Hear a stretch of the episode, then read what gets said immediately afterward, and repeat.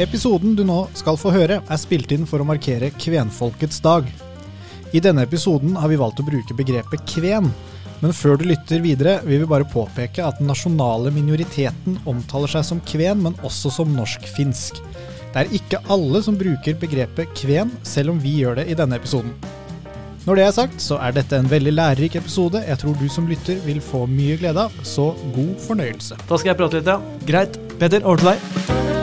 Sans og samling, sans og samling, sans og samling, sans og samling. Sans og samling, sier du? Er du ikke spent på å høre hvordan dette ender? Ja, jeg er kjempe... Hvordan gjorde du det? Sans og samling. Velkommen til en ny episode av podkasten Sans og samling. Mitt navn er som vanlig Peter Bøttinger, og ved min side i dag har jeg mannen som sto for 15 av de 20 telefonene Sør-Øst politidistrikt fikk om to fremmedlegemer på himmelen, som viste seg å være Venus og Jupiter. Eivind Thorsen, velkommen. Uh, takk, Peter. Takk for introen. Vi skulle ikke stå så nærme hverandre, tenkte du. Mm, mm. Det var noe som ikke stemte. Det var noe som ikke stemte. Ja. I dag er det 16. mars, og det er en eh, spesiell dag. Eh, Noen som feirer den dagen rundt omkring. Og det er jo da altså da kvenfolkets dag, og i den forbindelse så har vi med oss en gjest her. Og det er eh, deg, Ann Tove Manshaus. Velkommen. Takk for det. Ann Tove, fortell litt grann om, om din bakgrunn. Ja, min bakgrunn Jeg er utdanna religionshistoriker og jobber som rådgiver i Vestfoldarkivet. Og her jobber vi med å sikre arkiver for uh, framtida. Og jeg er spesielt opptatt av å jobbe med mangfold- og minoritetsarkiver. Og det vil si at uh, arkivinstitusjonene som Vestfoldarkivet har en veldig viktig samfunnsrolle. Og det er det at vi sikrer arkiver for fellesskapets hukommelse. Og du er jo også da fra Finnmark. Ja, er født og oppvokst i Båtsfjord i Øst-Finnmark, og det er jo en del av landet som har både norsk, kvensk og samisk befolkning. Og i min familie er alle tre gruppene representert. Så personlig så har jeg en identitet som finnmarking, men med en blanding av norsk, samisk og det kvenske. Jeg tror du er nødt til å fortelle litt mer om uh, forskjellen på samisk og kvensk. Mange tenker kanskje at det er uh, At det er noe beslekta der. Ja, for de blir jo ofte nevnt i samme, De samme åndedrag. Ja. Ja, altså Kvener er jo det finsktalende innvandrere som flytta til Norge før 1900, noen vil si 1945. Og alle deres etterkommere har rett til å kalle seg kvener, eller norskfinner. Ok, så kvener er alle de som har, på en måte har, eh, fra Finland har emigrert til Norge før 1945? Ja, Ja. både fra Sverige, Finland og Russland. Nettopp. Innflyttere. Og det å være kven er altså basert på selvidentifisering. Det er klart, det å være same, da er du en det Samene er urbefolkningen som har bodd på Nordkalotten. Så det er en urbefolkningsgruppe. Men kvener, er det da alle eh, finner? Eller er det en spesiell eh, gruppe fra Finland? Altså Må du ha innvandret fra et spesielt område i Finland? Altså Kvener, er, eller også, de kalles også norsk-finske, er finsktalende folk som innvandra i hovedsak fra Finland og Sverige til Finnmark og Nord-Troms. Og innvandringen vet vi har foregått i flere omganger, og vi har jo dokumentert kvener fra 1500-tallet i skattemanntall i Norge. Og det var jo Den gangen så var jo både Nord-Troms og Vest-Finnmark attraktive områder for jordbruk, og langs kysten var det rike fiskeressurser som trakk folket nordover. Og etter hvert ga også gruvene arbeid til mange, og det her var jo på 1800-tallet. Så vi vet jo at både hungersnød og krig var årsaker til at folk dro nordover. Altså Folk dro over grensene for å jobbe og tilbake igjen. Men de kom jo i hovedsak fra Botniska Viken, som er grenseområdet mellom Sverige og Finland i dag. Vet vi noe om hvor mange i Norge i dag som har eh, kvenske aner? Eh, Ja, det er litt vanskelig, for det går jo på selvidentifisering, ikke sant. Så det er tall som sier fra 10 000 opp til 15 000, men det er nok eh, mange, mange flere enn det, altså. Ja, for Hvordan Mm. vet man egentlig om man er kven, og kan de på en måte identifisere seg som det? For man, Det må vel være en viss familiehistorie for at du kan identifisere deg som kven, selv om du kan altså, som du sier, selvidentifisering, da. Ja, Jeg kan jo fortelle litt om min historie, da, ikke sant? som gjør at jeg kan si at jeg har kvenske aner. Og det at min tippoldemor, Birgitte Marie Johansdatter, var født i Kemi og bodde i Botniska Viken. Og det er jo det området jeg snakker om, som er kjerneområdet for den kvenske befolkningen. Som i dag grenser mellom eh, Sverige og Finland. Hun kom til Øst-Finnmark og ble gift med min tippoldefar Hans Hansen fra Ekkerøy i Øst-Finnmark. Så min morfars slekt bosatte seg på kysten av Øst-Finnmark, og de ble fiskere i værharde fiskevær langs kysten. Min bestefar Erling Berg var fisker i Hamningberg og flytta til Båtsfjord etter krigen og evakueringen. Men jeg vet jo at han hadde et hardt liv, og det han fortalte fra sin oppvekst og sitt liv som fisker eh, på kysten av Øst-Finnmarka, det, eh, det, var tøffe tak. Og så har jeg da min farsslekt som er fra Lyngen i Troms, og der er det både kvenske og sjøsamiske aner. Og de var nok også mer prega av den læstedianske bevegelsen som var sterk i området. Og I denne delen av slekten så har vi et slektstre tilbake til Gustav Bucht, som ble gravlagt ved kirka i Torneå, Øver Torneå i 1759. Og Det er jo Tornedalen som også er en del av det området som jeg snakka om. Så på begge sider kommer slekten, den kvenske slekten fra Bottenviken. Og det gjør jo at jeg kan definere meg som kven. ikke sant? Men jeg ble jo ikke bevisst denne bakgrunnen før jeg flytta som jentunge til Vest-Telemark på 70-tallet. For da fikk jeg jo det spørsmålet om vi bodde i telt i Finnmark, og om vi hadde reinsdyr. Så det var jo første gangen at jeg med med en annen kultur kunne identifisere meg som noe annet. Mm. Var det pga. dialekta di, da? eller? Det var pga. dialekta og at jeg kom fra Finnmark. Og det her var jo tida med, med, Ante på TV. Dere er jo for unge til å huske han, kanskje. men... Jeg husker noe om Ante. Det ringer ja. noen bjeller der. altså. Ja. ja. Og så begynte jeg jo da å studere sosialantropologi på slutten av 80-tallet. Og da opplevde jeg jo plutselig å ha en eksotisk bakgrunn, uten at jeg tenkte på det sjøl.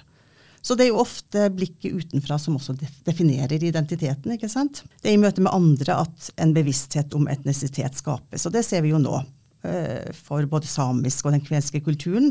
Hvordan kampen for rettigheter og eksistensgrunnlag gjør den tydelig.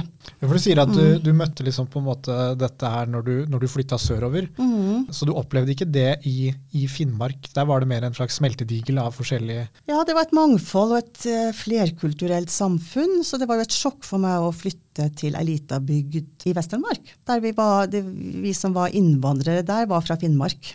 Men opplever du at de med kvenske aner da, og kvener i Finnmark f.eks., hvor bevisste er de sin bakgrunn? Så hvis du sammenligner med samer f.eks., som vi måte vi ser i TV, vi ser eh, nasjonaldrakter, flagg, eh, de er veldig synlige. I, I hvilken grad vil du si at eh, kvener er bevisst sin eh, bakgrunn? Ja, mer og mer, og det tror jeg også kanskje den samiske kampen har vært eh, liksom, gått foran den kvenske òg, for du ser jo også nå at det flere kvenske ungdommer som ønsker å vite mer om sin bakgrunn, og som ønsker å lære språket, og som ønsker å lære kunsthåndverk.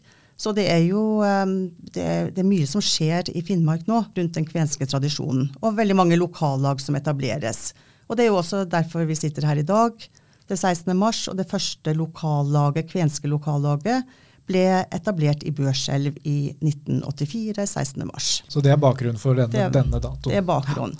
Så etter det så har det jo kommet flere lokallag, og jeg ser jo at det kvenske unge miljøet er, er veldig uh, aktivt. Hvis du skal på en måte mm. prøve å forklare da, den kvenske kulturen og tradisjonene, hva er det på en måte man, hva er det vi trekker fram da, som er sånn typisk kvensk? Det går an å spørre, spørre, om sånt? Ja, da kan vi gå litt på det som vi også jobber med som arkivarer, og det er jo den sant, immaterielle kulturarven. Det er jo den kulturarven som ikke gjerne er skrevet ned, ikke sant. Det er levende tradisjoner og tradisjonell kunnskap som blir overført mellom folk. Og det kan være sosiale skikker. Her har vi f.eks. badstuekulturen, som vi kanskje alle er kjent med nå, for den har blitt også veldig populær hos oss her i Vestfold. Ja. Men den har jo alltid vært en viktig del av den kvenske kulturen, og ble en tradisjon i Nord-Troms og Finnmark med kvensk innvandring. Og badstua var viktig for hygiene og holde folk friske. Og det var også et viktig møtested. Det var der man kunne møtes og utveksle litt sladder og ja. Der folk, der folk, ja, jeg skulle akkurat si det. I England der folk møtes på puben, ja. så møtes ja, man eh, i badstua. I badstua. Ja. ja. Og der ble det jo også vaska klær øh, og røkt mat, faktisk. Oi. Ja. Men det er jo litt, eh, jeg syns jo det er litt artig å se at det har blitt så populært i dag. Og jeg er jo vokst opp uh, i oppveksten i Finnmark, og fortsatt så har jeg vokst opp med badstue på hytta. Ja. Mm. Hvordan er det med uh, det språklige, kvensk språk? Det er jo finsk? Eller er det relatert til finsk? Ja, det er ikke helt mitt uh, fagområde, men det har fått en egen status som språk i 2005. Så man kan forstå hverandre. Mm. Ja. Men der, det, det, der er jo faglige diskusjoner. Ja. Ja. Men kvensk ble jo en nasjonal minoritet ikke sant, så seint som eh, 1998. Ja. Sammen med rom, romani, jøder. Men det språket, praktiseres det i Finnmark i enkelte områder, eller? Nei, det, det som jeg vet nå, er jo at du har en kvensk språkskole i Vadsø, og der er det fulle kurs. Og det, og det gikk jo hardt utover både språk og kultur, også for kvener i fornorsknings, eh, fornorskningspolitikken. Ikke sant? De fikk jo, eh, der ble det jo innført en rekke lover som gjorde det vanskelig å praktisere kvensk kultur og språk. Er vi på 1800-tallet, eller hvor, Ja. hvor er vi som cirka da? Fra rundt 1850 og fram til andre verdenskrig ble også kvenene veldig berørt av fornorskningspolitikken. Og det tok jo sikte på å viske ut både kvensk og samisk språk til fordel for det norske. Og det var jo bl.a. som et ledd i sikkerhetspolitikken overfor Russland. Og I tillegg var det økende nasjonalistiske strømninger, som vi vet, i Norge. Man ønsket å bli en nasjonalspråk og ha et felles språk og en felles kultur. Så kvensk og finsk ble forbudt som kirkespråk og som undervisningsspråk i skolen fra 1880. Og i 1936 kom det også forbud mot å bruke kvensk og samisk som hjelpespråk i undervisningen. Og det som kom også i 1902, var en jordbrukslov som forbød andre enn norsktalende å kjøpe jordeiendom. Og det var jo også en krise for de finsktalende og det, nei, det kvenske folket, fordi at de også var jordbruks... De drev jordbruk. Ja, hvordan var det de som allerede eide jord? Mista de den jorda de eide, eller var det Nei, jeg vet jo det. Jeg har eh, måttet kikke, lese litt før jeg gikk inn i studio i dag. Og den, eh, det ble jo praktisert eh, ikke like hardt overalt. Så jeg vil jo tro at det her var jo Det var jo små samfunn, og de, både samer, nordmenn og kvener var vant til å bo side om side. Og det var jo ikke alltid at den her um, identiteten som verken same eller kven var så bevisst. Det gikk litt i hverandre. ikke sant? Man tok tradisjoner opp fra hverandre, og man uh, ja. Så man blei tvunget til et valg, da. Skal du eie jord, så må du gi, legge fra deg din uh, kvenske identitet. ja, da må du lære deg norsk. Og bruke det. Så det, med alle de nye lovene så ble det vanskelig å praktisere kvensk kultur og språk. Og vi vet jo, vi som har fulgt også samiske, den samiske kamp for, for rettigheter, vet jo hvor vanskelig det har vært å være minoritet i Norge, dessverre. Og det var som jeg sa i stad, det var jo så sent som i 1998 at kvenene ble anerkjent som nasjonal minoritet. Og i 2005 ble kvensk anerkjent som et minoritetsspråk i Norge. Men det betyr jo også at vi i Norge, når vi anerkjenner kvener som eh, nasjonal minoritet, at vi får et ansvar for å støtte og styrke kulturen og språket til kvenene. Og det er jo der det foregår veldig mye arbeid med spesielt den immaterielle kulturarven.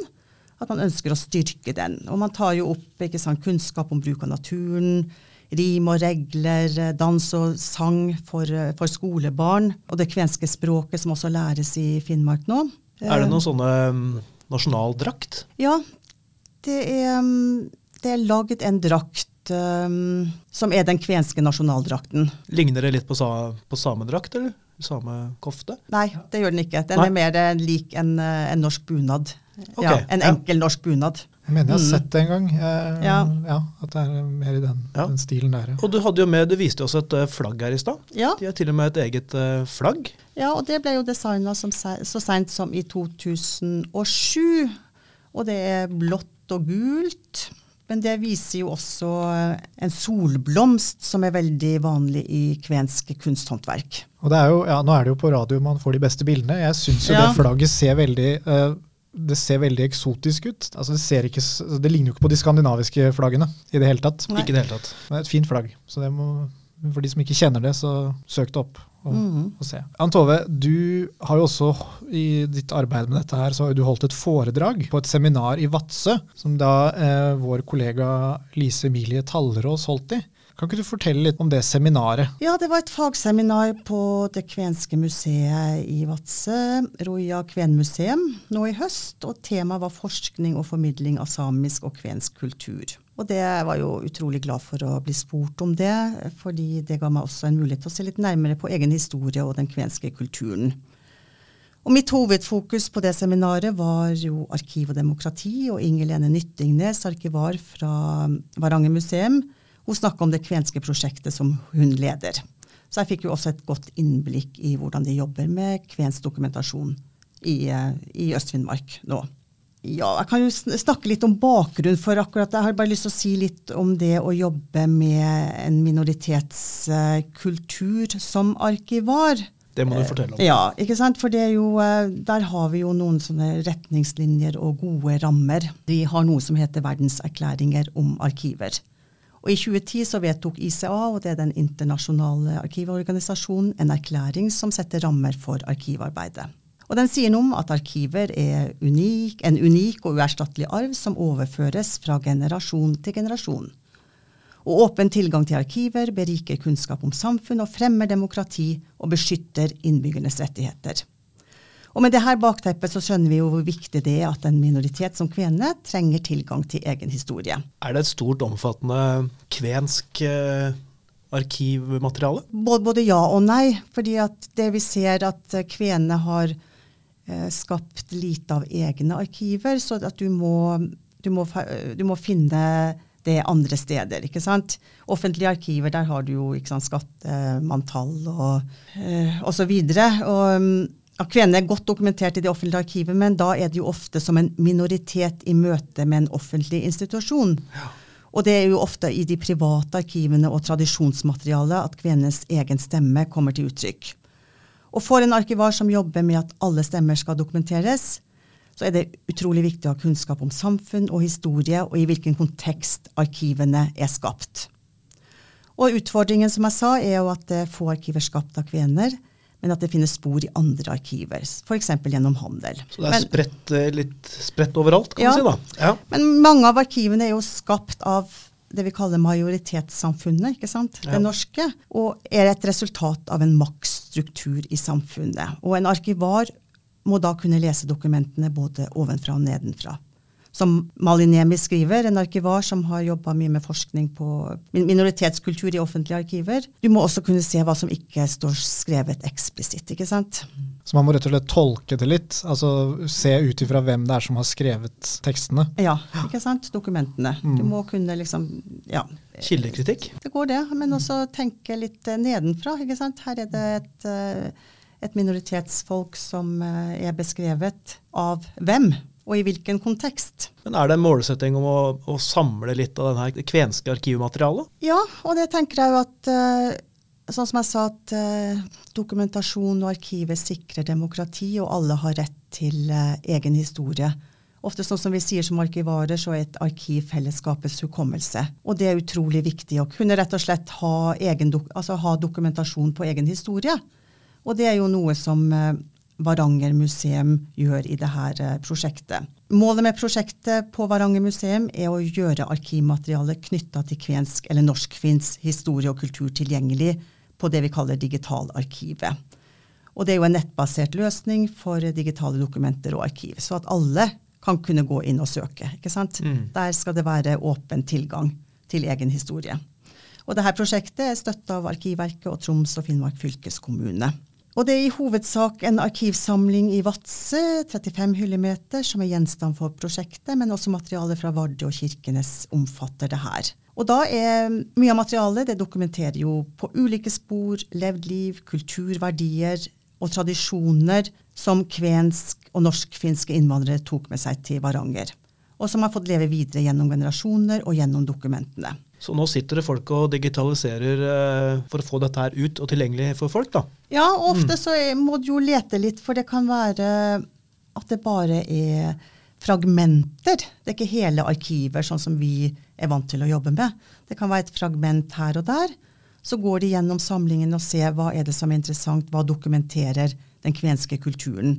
Og så lages det rett og slett en samling på digitalarkivet under emneknagger. Ja. Så det er mulig å gå og søke, og så kan du få opp en samling. Så det blir en arkivsamling om kvensk kultur. Og det her eh, materialet som er i Varanger museum, er jo veldig variert. Men det består f.eks. av kokebøker, som kan være viktig for uh, når man skal uh, føre tradisjonen om kokekunsten videre. Og det er skjemaer knytta til reingjerdbygging, det er private brev en del amerikabrev faktisk fra, som ligger i Finnmark fylkesbibliotek, der finskættede dro uh, til Amerika og har skrevet hjem om hvordan de har det der. Det er fotoalbum. Det vet vi jo er veldig viktig. Byggetegninger, eiendomsdokumentasjon og lydbånd med finske og læstadianske eh, salmer. Når du sa kokebøker, mm. da, da, ble jeg nysgjerrig. Ja. Hvis, skal, hvis, man skal liksom oppleve en ordentlig sånn kvensk herremåltid, hva tror du ville stått på menyen da? Eivind lurer vel egentlig på noe, noe middagstips? Hva du skal lage når du kommer hjem? Ja, det er jo der i dag. Ja, kanskje jeg kan ta med noe derfra, da? Nei, jeg vet jo at det, det er jo mye fisk, og det er mye røkt. Eh, både røkt kjøtt og fisk. Og de hadde jo også en uh, veldig sånn, um, baketradisjon i de her bakeovnene. Så hvetebrødet som ble bakt, er jo noe som bakes fortsatt i dag. Som læres videre til, til unge folk. Jeg bare spørre, eh, fordi Vi snakka litt innledningsvis om hvordan det har tatt ganske lang tid før man har anerkjent kvensk som minoritet og, og språket mm. som minoritetsspråk. Når er det på en måte man fikk det inn i, i det akademiske, altså forskningen sånn som du holder på med, med i forhold til arkivene og sånn? Når er det man på en måte kom i gang med det? Nei, og Det vil jeg også si i nyere tid. Det er jo gjort et stort arbeid av Harald Lindbakk i Troms som har gjort en doktorgrad på, på kvenske kilder. Og Kajsa Malinjemi, som også har gjort et stort forskningsarbeid på, på kvensk og samisk og minoritetskilder i, i offentlige arkiver. Men um, det er et stort satsingsområde i arkivsektoren i dag. Og i hvert fall det samiske. Og det gis jo da ikke sant, det her prosjektet nå på Varanger museum er jo støtta av Arkivverket. Nettopp i et ledd for at uh, den kvenske kulturen skal synliggjøres og dokumenteres. Ja, for det er jo litt, Man ser jo det andre steder i verden også, at dette med urfolks rettigheter og mm. minoriteter at det blir løfta mer fram nå. Mm. Heldigvis, da, så at, man, at det blir arbeida med mm. det, sånn som det arbeidet du gjør. Tror du vi har gått glipp av mye, eh, altså tapt mye, gjennom disse fornorskningsprosjektene som ja, vi ville hatt glede av i dag? Ja, det er klart. Og det, det, er nok mye som har gått tapt. Og jeg tenker at det er, det, her, eh, det er et veldig viktig arbeid vi gjør, og veldig bra at eh, Arkivverket satser uh, så stort sånn, sånn, som de gjør på det her. Og Nordkalotten er jo også et uh, område som prioriteres nå for å dokumentere folks historie. Det er mulig jeg hopper litt i temaet her nå, men uh, når mm. man først hører Det er så spennende å høre på. så jeg, Du nevnte jo her litt tidligere det med russisk. Og så skjønner jeg at kvensk kultur har på en måte levd eh, side om side med Det har vært veldig sånn flerkulturelt oppe i nord. Mm. Eh, med også nær kontakt med, med, med Russland. Mm. Eh, kan du si noe om det der eh, Det flerkulturelle miljøet da, som var i, i Finnmark når, når disse kvenene flytta dit? Ja, altså de kvenene har jo kommet i flere omganger. De kom jo liksom fra 1500-tallet og opp til vår tid, eller um, rundt 1900-tallet. Så de har jo kommet i flere omganger, og ikke, det har jo ikke bare vært krig og sultkatastrofer som har ført de over grensene, men også ønske om å fiske og dra tilbake igjen. ikke sant? Uh, men jeg vet jo det at i Vadsø, jeg tror rundt 1860, så var flertallet kvener, faktisk. Uh, og det var jo også på den tida her at Svein Foyn etablerte en uh, hvalstasjon der oppe. Det stemmer. Så jeg tenker at um, Og den russiske handelen har jo også det, det vises jo også i um, en del av arkivet på Vardø museum. Der er det jo En av de protokollene som nå dras fram som, uh, di, som digitaliseres for, dig, for Digitalarkivet, er noe som kalles for Kvenekladde fra 1894 til 98. Og det er en protokoll etter Brodkorp handel i Vardø, som dokumenterer virksomheten sin handel med kvener bosatt, på Kolahalvøya i Russland. Så det var jo jeg, jeg vet ikke hvor eh, flerkulturelt det var den gangen, men det var jo det var, ikke, det var, kanskje mer grenseløst enn det er i dag. ikke sant? Man dro over grensene og man drev handel. Og det var relativt fredelig også? Ja. Sånn, det var ikke noen ja, konflikter man, mellom liksom, folkegrupper, sånn som man ofte ser andre steder når forskjellige kulturer møtes med forskjellige språk? Sånn. Det har nok vært, det er, jo, det er jo noen hundre år vi snakker om, men uh, man kan jo også lese at de bodde side om side. Mm. Men det kan jo helt sikkert være tvist om, uh, om, eiendommer og landområder, det vil jeg jo tro. Men jeg vet jo i hvert fall at uh, jeg kan jo liksom relatere til min oppvekst i Finnmark. Og når jeg dro nordover til Båtsfjord, fiskerihovedstaden, for å ha sommerjobb på fiskebruk som ungdom, da var det jo som å komme til eh, New York. Det var et, altså et, yrende liv av alle nasjonaliteter, og selvfølgelig altså masse russere som levde side om side Um, og vi vet jo, vi kjenner jo godt til det her folk-til-folk-samarbeid, så det har jo vært et, alltid flerkulturelt, uh, en flerkulturell kultur i Finnmark. Ja, nei, og det kan jo si litt mer om det. Som sagt så var det, jeg er veldig glad for at Lise Tallerås inviterte meg med til Vadsø, som gjorde at jeg kunne gå litt inn i det, inn i det her, men med arkiv og demokrati som, som område.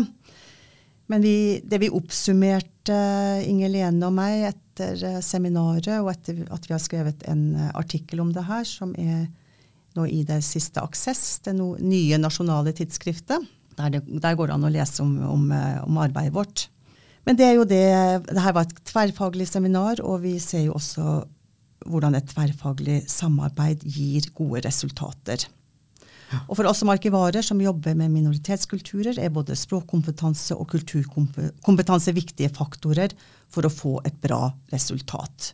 Og det kommer jeg til å ta med meg videre, for jeg skal begynne med en stor innsamling i Drammen og omegn av eh, Mangfoldsdrammen.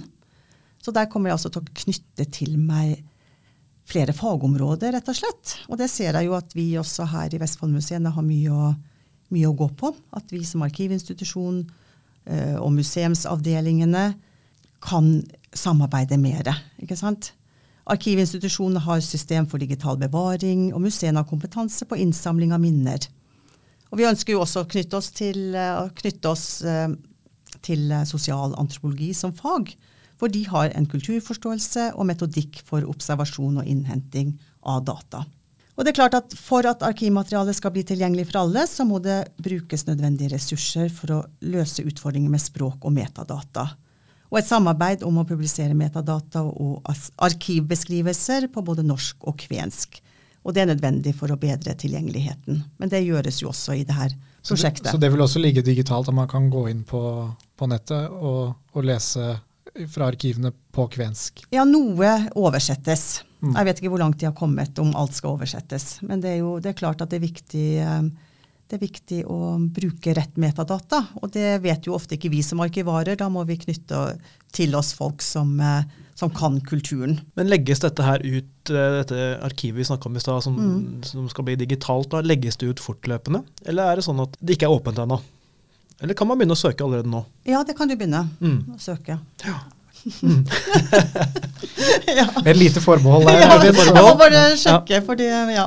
ja. Men det er klart at jeg vil også bare si eh, på slutten at jeg snakka jo om at ofte minoriteter ikke skaper egne, nødvendigvis skaper egne arkiver. Og da må vi som arkivarer gå inn og kanskje skape et dokumentasjonsprosjekt. ikke sant? Gjøre intervjuer filme og fotografere for å supplere en samling, eller lage en samling. Så vi har litt ekstra ansvar, altså, altså arkivene har et ekstra ansvar der for minoritetene? Ja, for alle grupper. Vi skal jo dokumentere bredt. Men mm. vi ser jo at kanskje grupper av minoritetsgrupper ikke skaper arkiver, og ikke får sin stemme fram i offentligheten. Og da tenker jeg at vi har et ekstra ansvar som arkivarer, å bringe stemmene fram. Men du, er, er, du fornøyd med hvordan progresjonen i dette her er, på en måte? Altså, for, øh, går det i riktig retning? Ja, det gjør det jo. Mm. Det syns jeg jo det går i, i riktig retning. Um, og det, og jeg kan jo si at det er jo et um, det å jobbe som arkivar er et fantastisk yrke. Fordi at vi kan være med og gjøre en forskjell. Er det noe mm. sånn tidsperspektiv på det prosjektet? Når det, Har man en sånn uh, tid når man ønsker å være i mål med å være ferdig med digitaliseringen? Ja, det tror jeg skal være ferdig i år, men det her er jo ikke et, det et avslutta prosjekt. Jeg vil jo, tro at, uh, vil jo håpe at det kommer nye dokumenter og nye arkiver til. Ja. Som kan tilføyes i denne samlingen. Så det mm. vil jo være en en uh, voksende samling. Ja. Mm. Helt til slutt, det har vært uh, veldig interessant å høre på det du hadde å fortelle oss, Antove. Men jeg må jo spørre deg, da. Uh, skal du markere dagen i dag? Det skal jeg gjøre. Jeg skal, etter jobb nå så skal jeg møte to venninner i svømmehallen i Tønsberg for å ta badstue. Det høres ut som en passende markering av, av dagen. Mm. Tusen takk for at du kom og fortalte oss om dette prosjektet. Og Eivind, Takk til deg også. I like måte, Petter. At du kom og hørte på. Ja. Og, og, og, lærte. og, lærte. Og lærte. Aktiv læring. Jeg er klokere nå enn når jeg gikk inn i dette studiet vårt. Veldig bra. Da sier vi takk for uh, nå. Takk. Sans og samling er en podkast fra Vestfoldmuseene. Denne episoden er laget av Susann Melleby, Jon Anders Øyre Bjerve, Eivind Thorsen og jeg, Peter Pettersen. Ønsker du å kontakte oss, send en e-post til kommunikasjon krøllalfa vestfoldmuseene.no. Sans og samling!